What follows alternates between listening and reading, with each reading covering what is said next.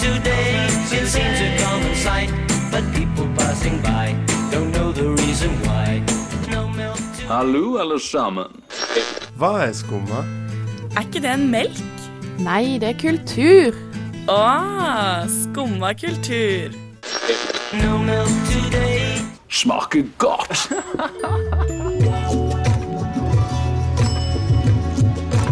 Hallo, frøken. Skal vi ta Vår og hvordan er poesi i dag, og i hvilket land kan du finne en av verdens største reality-TV-serier der deltakerne konkurrerer med hverandre med sine egne skrevet dikt? Det skal vi finne ut av i denne ukens sending av Skumma kultur her på Studentradioen i Bergen. Mitt navn er Samantha Hatten, og jeg er så heldig å ha med meg tilbake i studioen fra Tyskland, Julian Schlitt. Hei, takk. Takk, jeg er så glad å være tilbake igjen. Hjertelig velkommen tilbake til deg, Julian. Takk, takk, takk. Det er så bra å høre den jingle igjen og være i studien med utsikt over hele Bergen, liksom. Jeg gleder meg skikkelig. Og i tillegg har vi en veldig spennende program i dag. Vi har to gjester fra Prøverommet og Hulen, og skal snakke litt om eh, den poesiaften fra siste uke eh, på Studentersamfunnet. Og selvfølgelig eh, vår eh, kulturkalender på slutten. Altså det blir spennende. I tillegg har jeg vært med for å se på Kjøkkenheisen sin premiere på DNS forrige fredag. Men aller først får du høre Young Dreams med Of The City.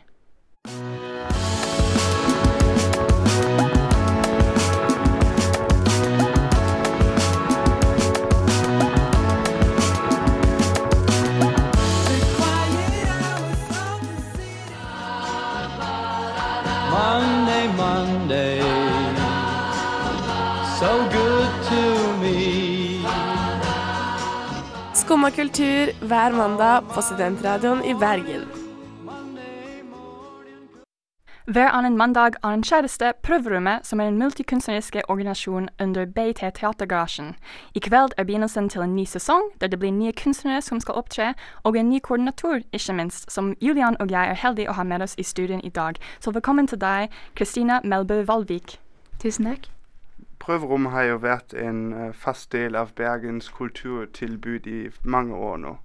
Men eh, for de som kanskje vet ikke så mye om det, kunne du bare fortelle litt om konseptene og hva det egentlig er? Det er eh, et arrangement som går omtrent to ganger i måneden. Hver mandag begynner klokken åtte på ulike steder i, i Bergen. Prøverom de siste årene har vært ganske tydelig et visningsrom. Et uh, rom hvor uh, det inviteres inn ulike ganske nye, ferske eh, utøvere Ja. som viser kunsten sin. Og da kommer det på en måte ønsker om, eller forespørsel om de kan få bruke prøverommet, og så settes det sammen program som da ikke har noe tema. Men hva prøverommet kan bli, er jo noe annet. Nå eh, siste kveld på Landmark 5. desember så har jeg eh, gitt hele prøverommet til eh, eh, et prosjekt som baserer seg på en no, eh, norrøn mytologi Mhm. eh, som ut, startet som en performance, som nå er utvidet eh, til å hente inn kunstnere, diktlesere, musikere osv. osv. som skal fylle denne kvelden da, i, i denne tematikken fra den norrøne mytologien. Ja. Det høres veldig spennende ut. ja. Ja, det tror jeg absolutt at det blir. Jeg syns at um, det er ikke bare en prøveromme for kunstnere, men også for de som kommer til prøverommet. Fordi Mm. der kan man også for eksempel, man kan prøve hva slags kunst man liker egentlig. Man kan høre litt på musikk, man kan se på bilder, man kan uh, lytte på en forfatter som leser en bok eller noe. Så det det er ikke bare, du går ikke bare til museum eller til en konsert, men det er alt i et rom. Det er det som er så spesielt med kunst og prøverommet som eh, en arena som bruker eh, forskjellige typer rom. Ja. For da inviterer du inn et publikum, og du har eh, en scene med, med innslag. Du har et galleri med kunst, og så oppstår det noe som eh, En atmosfære som eh, er på en måte kunstens eh, Ja. kjerne, eller kunst, det vakre ved kunsten. Den eh, opplevelsen man deler sammen. Og det er jo sikkert den du Ja. Den du tenker på når du snakker om det som publikummer. Ja, Men syns du det er, eh, er det noe eh, som er spesielt med Bergen, da? Som miljø, som kultur- eller kunstmiljø, som gjør prøverommet så spesielt? Det er et eh, eh, ganske konsentrert eh, miljø i Altså, det er en liten by Ja. eh, hvor eh, man kryss, eh, får vennskap utover sin egen, eh, sine egne interesser, holdt på å si. ja. Um, men um, du er jo eh, den nye koordinator nå. Eh, hva kan vi forvente fra de eh, første kveldene eller de første arrangementene, f.eks. i kveld? Hva er det som skjer i kveld i Østre? Av innslagene så er det en fotokunstner, Camilla Langeland, som stiller ut sin kunst. Eh, Det er to band, Sturla Dagsland og Baya Wolf, som kommer til å spille. Og så skal det vises en eh, video fra Helene Waldmann, en ganske anerkjent koreograf fra Berlin. Ja. Og hva er sånn din plan for prøverommet? Hvor eh, skal du ta den, liksom? Jeg ønsker å ta det enda eh, lenger eh, ut i det eksperimenterende, det mer laboratorieaktige eh, type rom å jobbe i. Ja. Eh, hvor man kan komme Tenker jeg da. Man kan komme med arbeid som ikke er helt ferdig, eh, og få lov å prøve det ut. Og eh, man kan få komme med sitt uttrykk og spørre om det er noen andre som vil eh, legge sitt uttrykk på det igjen. F.eks. en musiker som ønsker å legge til en danser, som ønsker Ja. å legge til en eh, teaterscenograf. ja. jeg vet ikke. Men eh, ja. Hvorfor syns du det er viktig med en sånn slags arrangement som prøverommet, der alle er velkomne? Eh, litt eller mye fordi at man trenger en, et sted eh, hvor man kan få prøve ut tanker og ideer. Eh, man trenger også et sted hvor man kan hente inspirasjon. Eh, og et sted å knytte eh, nye samarbeidspartnere, holdt på å si. Og bekjentskap. Og bare Eller vet Det er egentlig bare det at, at vi trenger et sted hvor man kan jobbe med kunst som ikke er avhengig av økonomiske begrensninger, holdt på å si. Ja. Eh, for det er jo det stille, prøverommet stiller med lokal og tekniker, eh, og da dette prøverompublikummet, og et rom du kan gjøre det for, eh, i. Og sånn sett så er det bare å komme med kunsten, og så har man eh, et visningsrom eller et laboratorie hvor man kan forske på Ja. sitt eget uttrykk. Så du kan få med deg den sesongstart i kveld på Østre, og det begynner klokken åtte, sant? Det begynner klokken åtte. Så Mm. ja, det kan man glede seg til. Vi i Skumma er veldig glad i programmet. Vi pleier å gå dit ganske ofte. Vi Så- anbefaler det i hvert fall. ja. Så hyggelig. Så masse lykke til med den nye sesongen, Kristina. Og tusen takk at du kunne vært med oss i dag på Skumma kultur. Takk, takk. Nå får du høre Blood Orange med Champagne Coast.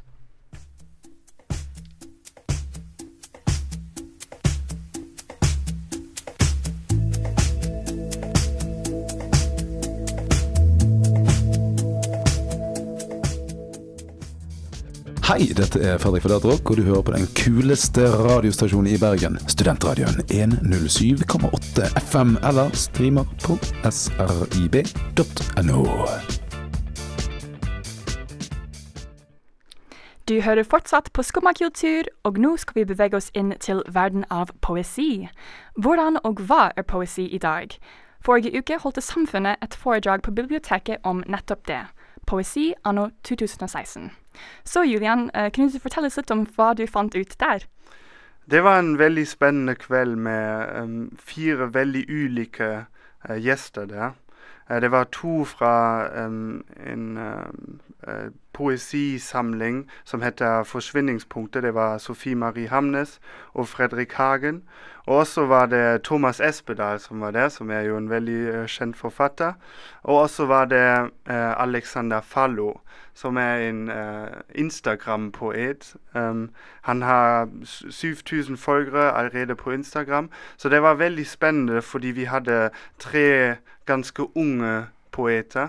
Og Thomas Espedal, som var litt eldre og hadde, hadde litt andre sånn, um, tanker om poesi generelt.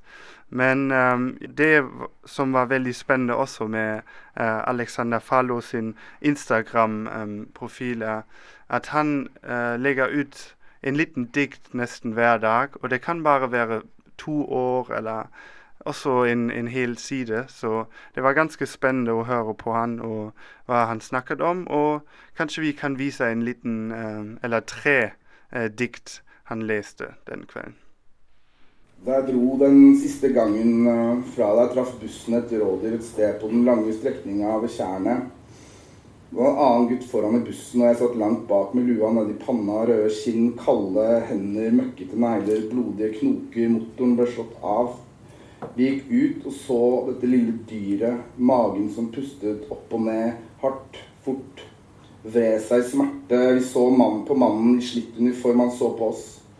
Så hentet han en rusten jernstang. Han slo og slo, og slo til dyret slutta å puste.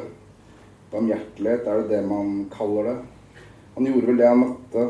Eh, jeg fikk aldri fortalt deg dette. Du ville vel bare tenkt at jeg skulle fortelle deg noe annet. Men dette bildet Lage bilder, som jeg alltid gjør, sier du. Men jeg er ikke et rådyr. Og dette var bare en historie fra virkeligheten, fra denne naturen som vi mennesker eier. Det var en rådyr.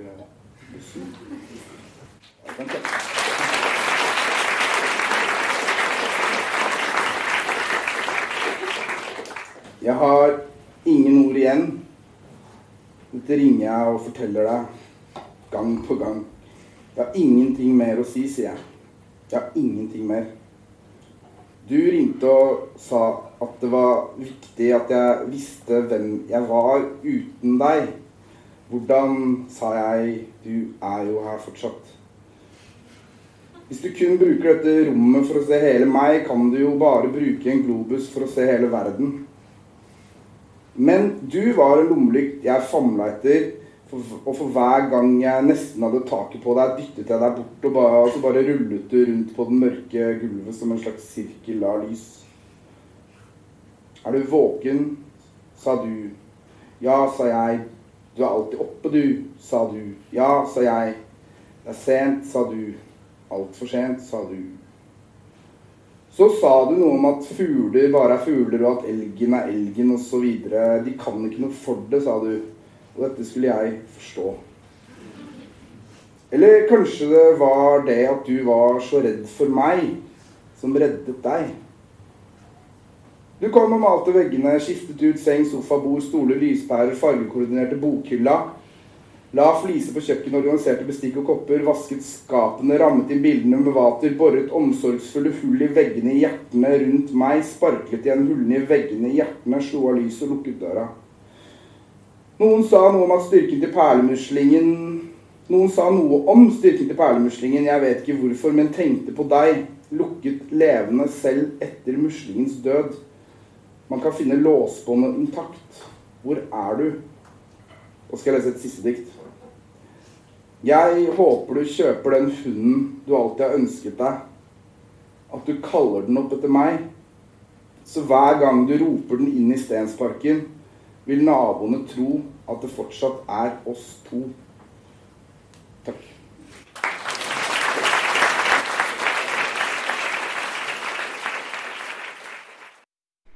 Det var en opplesning fra Alexander Falo fra Poesi anno 1016 forrige uke, og han er også kjent som den Instagram-poet.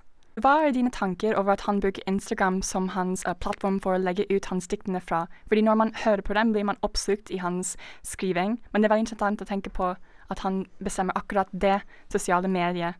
Mm. Så kan man lese det uh, på en post på den måten. Ja, det var kanskje det spennende om den kvelden, fordi man hadde På scenen var det to veldig forskjellige tanker om hvordan man uh, burde presentere poesi. Da var det Alexander Fallo med sin Instagram-profil. Og så var det um, um, Sofie Hamnes og Fredrik med 'Forsvinningspunktet', som er en um, poesisamling på nettet. Så det er også gratis. Og så på andre side var det Thomas, Thomas Espedal, som var veldig ehm, hadde mer tradisjonelle tanker om, om, om poesi. Og han altså, man må egentlig ha en bok med poesi. Det må være en fysisk produkt. Man må ha det i, i hendene, liksom. Man må kunne lese det flere ganger. Og han likte det ikke så godt at man sk scroller bare ned i telefonen og bare, bare ser på en, på en uh, dikt ganske kort. Men uh, jeg syns at det er kanskje en forskjell gjennom uh, gener generasjonene. Fordi Alexander Fallo med sin Instagram-profil, det, det er jo vår generasjon. da. Vi liker det å ligge i senga og bare scrolle ned Instagram og, og se en liten dikt og, og bli inspirert, kanskje. Um, men jeg syns også at det er viktig um, fordi det er jo kunst, da. Og det er viktig noen ganger å ta seg tid og lese gjennom en dikt kanskje flere ganger. Mm, og veldig- virkelig forstå det. Jeg er veldig enig med deg, for jeg synes det er noe veldig vakkert i det bildet at et dikt kan komme i noe så hverdagslig som din Instagram-feed. At vi får oppleve en form for kunst på en veldig casual måte, og sikkert mye oftere da enn når man tar tid til å lese gjennom en bok. Men det er viktig med begge deler. Men uh, det er veldig interessant at du beskrev den uh, generasjonsforskjellen. Ja, og jeg um, Vi er jo ikke fra Norge, oss to. og jeg syns også at det er en uh, fors eh, forskjell i kulturene. Jeg kan bare si at det er en forskjell uh, gjennom Tyskland og, og, eh, og Bergen, da. Ja, hvordan er det i Tyskland? Da er det um, Poetry slams er veldig populært i uh, studentmiljøet generelt. Uh, og også de som er gode uh, med poetry slam, de er nesten sånn kjendiser i Tyskland, egentlig. Og um, her syns jeg er det mer tradisjonell at du leser diktene. Du har sånn diktkveld hvor man leser det, og så snakker man om det etterpå. Og jeg tror i Tyskland er det mer sånn ble det mer sånn populærkultur, nesten. Og i en, en annen kultur der poesi står veldig høyt og er veldig sentralt, som jeg hadde ikke visst om før jeg um, gjorde research for denne sendingen her, er TV-serien Million, Millions Poet, som er fra De forente arabiske emirater. Så Millions Poet er en av verdens mest populære reality-serier, og er en av de mest vellykket arabiske TV-serier noensinne. Og Mm. siden 2014 har over 100 millioner folk sett de, den TV-serien. Og, det, er- ja, og det er, det er 48 deltakerne konkurrerer ikke med sanger, men med egne skrevet dikt. Og denne showet blir sett mer enn fotballkamper i De forente arabiske emirater, som er den nasjonale idretten. Ja. Og gjett hvor mye den premien var for den topplassen på den konkurransen i 2016. Gjett hvor mye de vant. Eh, Jeg har ingen peiling. De vant 34 millioner kroner. 34 millioner. Wow. ja, det, det er veldig det er sprøtt å tenke på. Liksom, fordi jeg, jeg kan si, selv om jeg håper veldig gjerne at poesi skal, um, miljø skal øke og, og vokse her i Bergen, men jeg tror vi aldri kommer til å se en reality-TV-serie som blir liksom en av de mest populære i landet, der de vinner millionervis kroner for Ja. et dikt de har skrevet selv.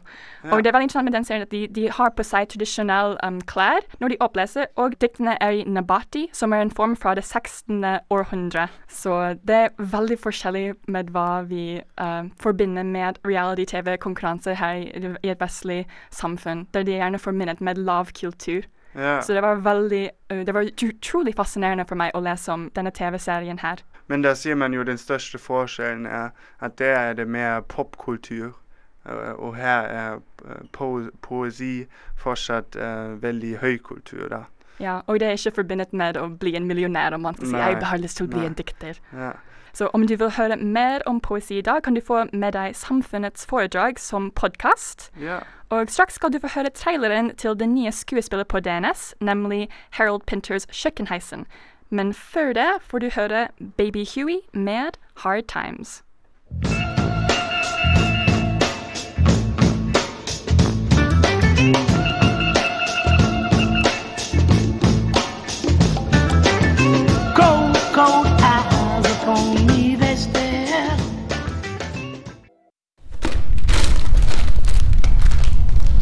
Hvor kom dette fra? Hvor kommer dette potetgullet fra? Fant du det? Dette er ureint trav, gutten min. Jeg spiser det bare til øl. Oh, hvor har du tenkt å få tak i det ølet? Jeg har tenkt å spare det til da. Dette skal jeg huske. Legg alt sammen på tallerkenen. Vent litt!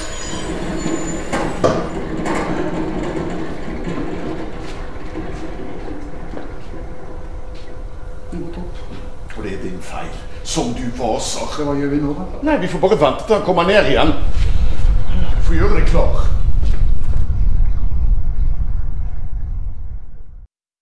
Det var altså traileren til skuespillet Kjøkkenheisen, som hadde sin premiere nå på DNS forrige fredag. Skrevet av Harold Pinter, stykket kan være beskrevet som en absurd komedie. To menn i en kjeller. Hvem er de, og hvorfor er de der? Her får du høre de to skuespillerne, Jon Kjetil Johnsen og Carl Boman Larsen, forklare i sine egne ord hva stykket egentlig handler om for noe. Pinter er sabla vanskelig. Er, man spiller på veldig små flater, og veldig mye av det man sier, er ikke det man sier. Altså det, vi tenker én ting, og så uttrykker vi noe annet. altså Tilsynelatende. Så det preger, preger dette. Hvis vi skal koke det ned til beinet, så er det jo eh, eh, et stykke om livet sjøl, en eksistensiell fortelling. En relasjon mellom to mennesker i en eh, ekstrem situasjon. Det er eh, Håper vi at det skal bli morsomt. Og det er også egentlig ganske spennende. Si at en krimhistorie er kanskje litt for slitt, men det har i hvert fall hva skal jeg si, det har spenning, helt klare spenningselementer i seg. Som man får svar på helt til helt til slutt. Eller, eller gjør vi det? Godt sagt, Ole. Ja, det hørtes eh, veldig spennende ut. Um, hva syns du om stykket, da? Det var en ve veldig interessant stykke, fordi um, som de sa, man skjønte ikke helt uh, hva det handlet om for noe. Eller det- det ble ikke klar før lenge etter hva de egentlig holdt på med for noe. Og jeg legger merke til nå, eh, mens jeg snakker om det, er det ganske vanskelig å beskrive, fordi ofte så sa de ting som de ikke mente. Mhm. Og det var veldig absurd. Og det var mange komediske um, uh, punkter i det. Det spiltes i kjelleren, som er et ganske små rom, så ble en, en intimt forestilling. Og Ja. det var bare de to skuespillerne for hele stykket, og det var dialogen mellom, mellom de to. Og uh, det er den siste høstsesongen på den neste skuespilleren Boman Larsen, som har vært med i 30 år og spilt over 100 roller til DNS. Men uh, hvor lenge skal stykket spille, da? Det spilles helt frem til 1. oktober, og det varer bare i én time uten pause. Så det vil absolutt anbefales om du er interessert i Harold Pinters skrivinger og du er glad i absurde komedier. Uh, straks skal vi få gjest i studio, men aller først får du høre Solange med 'Some Things Never Seem to Fucking Work'.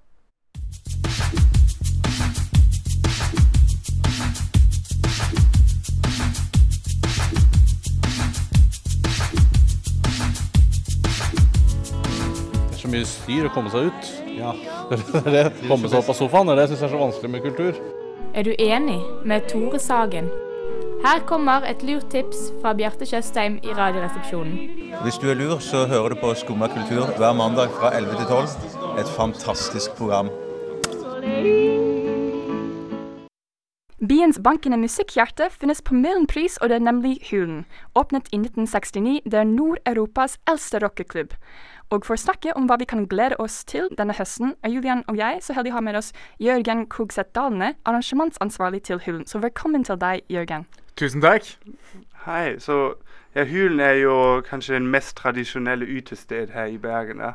Og det skjer jo ikke så ofte at det er et sted hvor eh, foreldrene gikk og barna går fortsatt.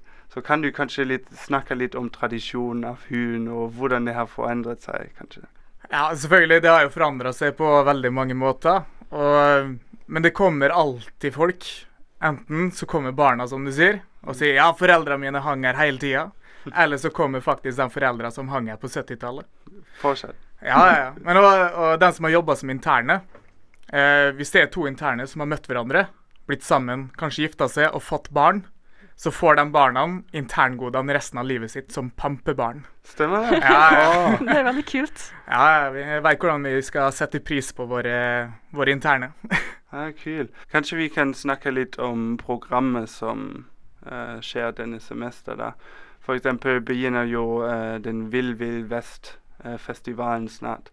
Um, og Hulen er en del av det, eller en utested. Um, hva, hva skjer eh, på Hulen da? Vi har eh, seks konserter til sammen. Eh, veldig lokalt forankra. Mm. Eh, flere av dem har spilt Huren tidligere. Eh, noen jobber på Huren. Sånn som Kongle Eh, veldig bra up and coming lokalt band. Med Sverre Vik i front, som eh, driver Teak Records, Granbar. Eh, I tillegg til at han er vokalist i, i eh, Kongle og booker på Hulen. Ja. Og så har vi eh, et av mine favorittband. Ja, forresten, Vi har mange av eh, mine favorittband neste semester. Jeg er så fornøyd med semesteret vårt. Yeah. Men Slutface Ja, så bra. Stavanger-bandet Slutface. Eh, endelig spiller de Hulen. Ja. Det, det er noe jeg har venta på lenge. Ja, kult. Så vi fikk dem, og det er jeg utrolig fornøyd med. Ja. Uh, og I tillegg den første dagen så har vi det nye superbandet fra Bergen, Strange Hellos. Mhm. Som eh, også blir utrolig spennende å følge. Vi Ja. så konserten deres nå på Klubbøya. Det var veldig tight. Ja, kul.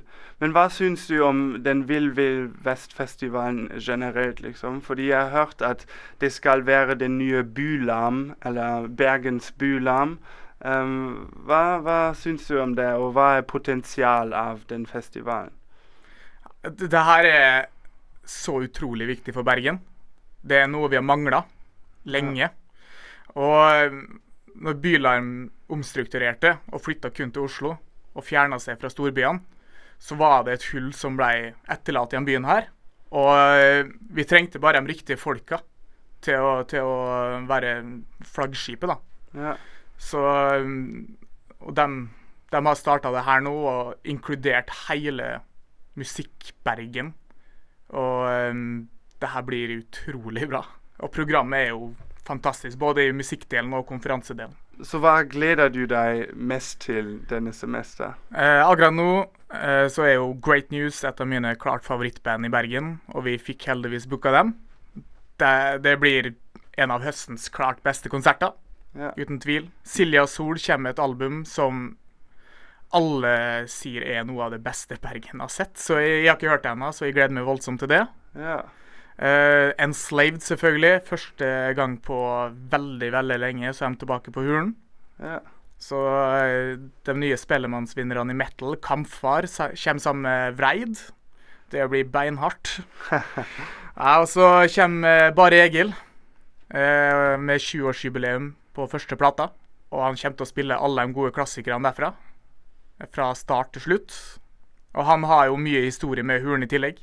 Ja. Eh, det første stedet han noensinne spilte utafor eh, Oslo. Ja. Og eh, han, han har spilt godt over 30 konserter på Hulen. Oi. Og det her er jo en veldig viktig del av historien. Det er hvordan han starta. Og det er, det er godt å ha han, han tilbake på Hulen. Uten tvil. Ellers så er vi veldig fornøyd Vi har veldig mye lokalt. Og mange albumaktuelle, mange singelaktuelle. Generelt mye aktuelt. Mm. F.eks. Kråkesølv, Moddi, Kaja Gunnufsen. Mye bra. Men det er, det er jo så utrolig mange kon konserter som er i Bergen, nesten hver dag. Er det da vanskelig noen ganger å få oppmerksomhet fortsatt? Å få spesielt unge studenter å komme over høyden til uh, uh, Møhlenpris og, og gå til Hulen? Eller er Hulen bare en så stor institusjon at det er ingen problem? Ja, absolutt. Altså, Sist semester så hadde vi et litt rocky semester med tanke på publikum eh, ja, som kom og så på konsertene våre. Så gjennom sommeren så tok jeg en ganske grundig analyse for å se hva er det vi må, hva er det vi må gjøre.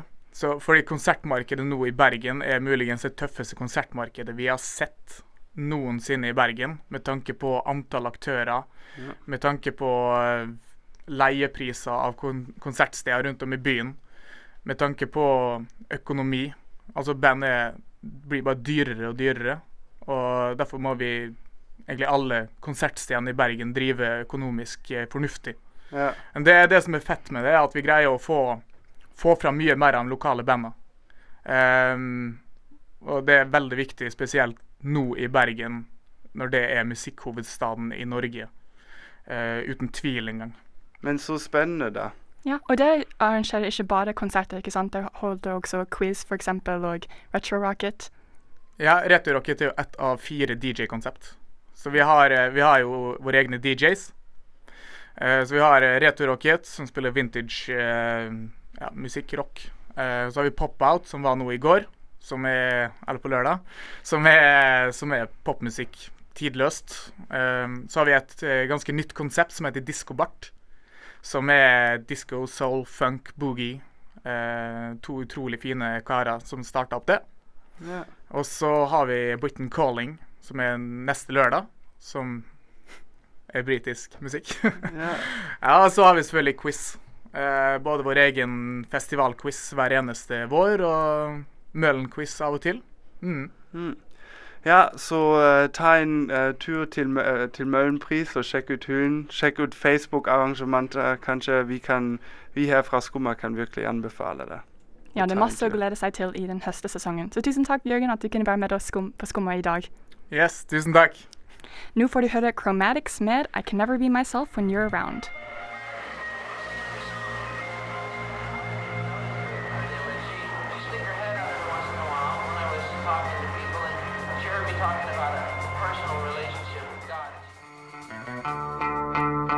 Kulturkalender.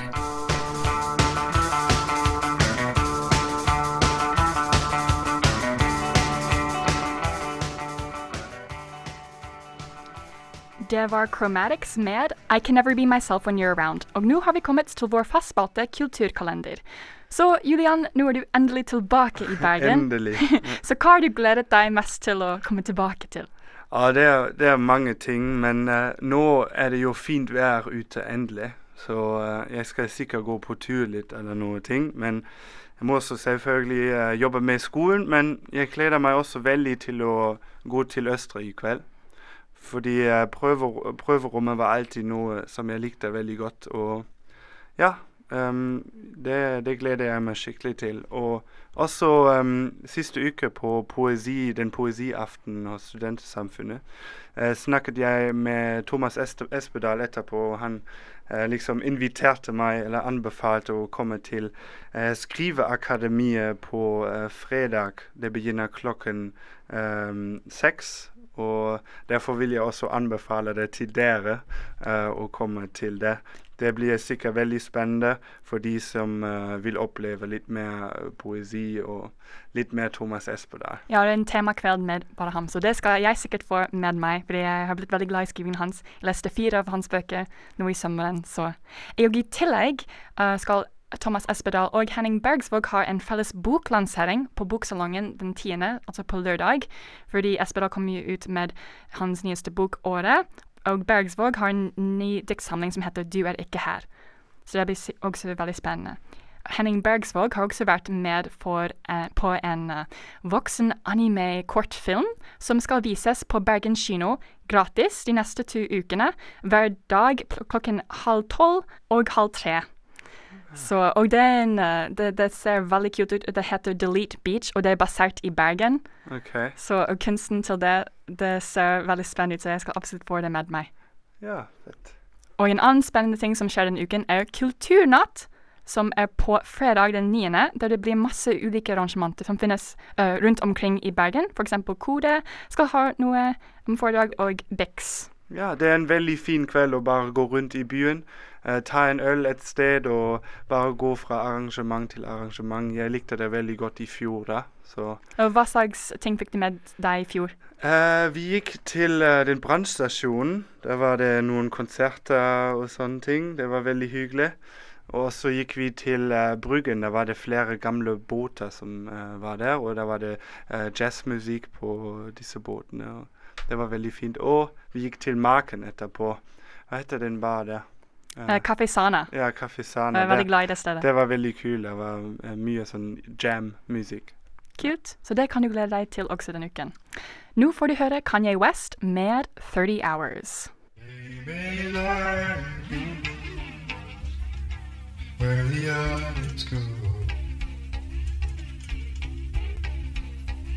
You say they never saw this coming, well, you're not alone. Million dollar renovations to a happy home.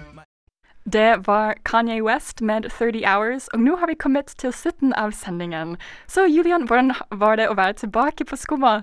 Det var veldig gøy. Det var veldig fint. Jeg eh, gledet meg veldig lenge til det. Um, jeg føler meg veldig hjemme å være tilbake i studio og sammen med deg her. da. Og ja, jeg gleder meg til de neste ukene å jobbe med skummakultur. Så kjekt. Og alt de kulturelle tingene som skjer. Vi snakket jo om mange ting i dag uh, med de to gjestene vi hadde fra Hulen og prøverommet. Jeg kan virkelig anbefale dere å gå til prøverommet i dag, eller å sjekke ut en konsert uh, på Hulene. Og I tillegg har vi snakket om hvordan poesi er i dag, og om det nye stykket på DNS Kjøkkenheisen som går. Hør på oss neste mandag, og Ha det bra. ha det bra.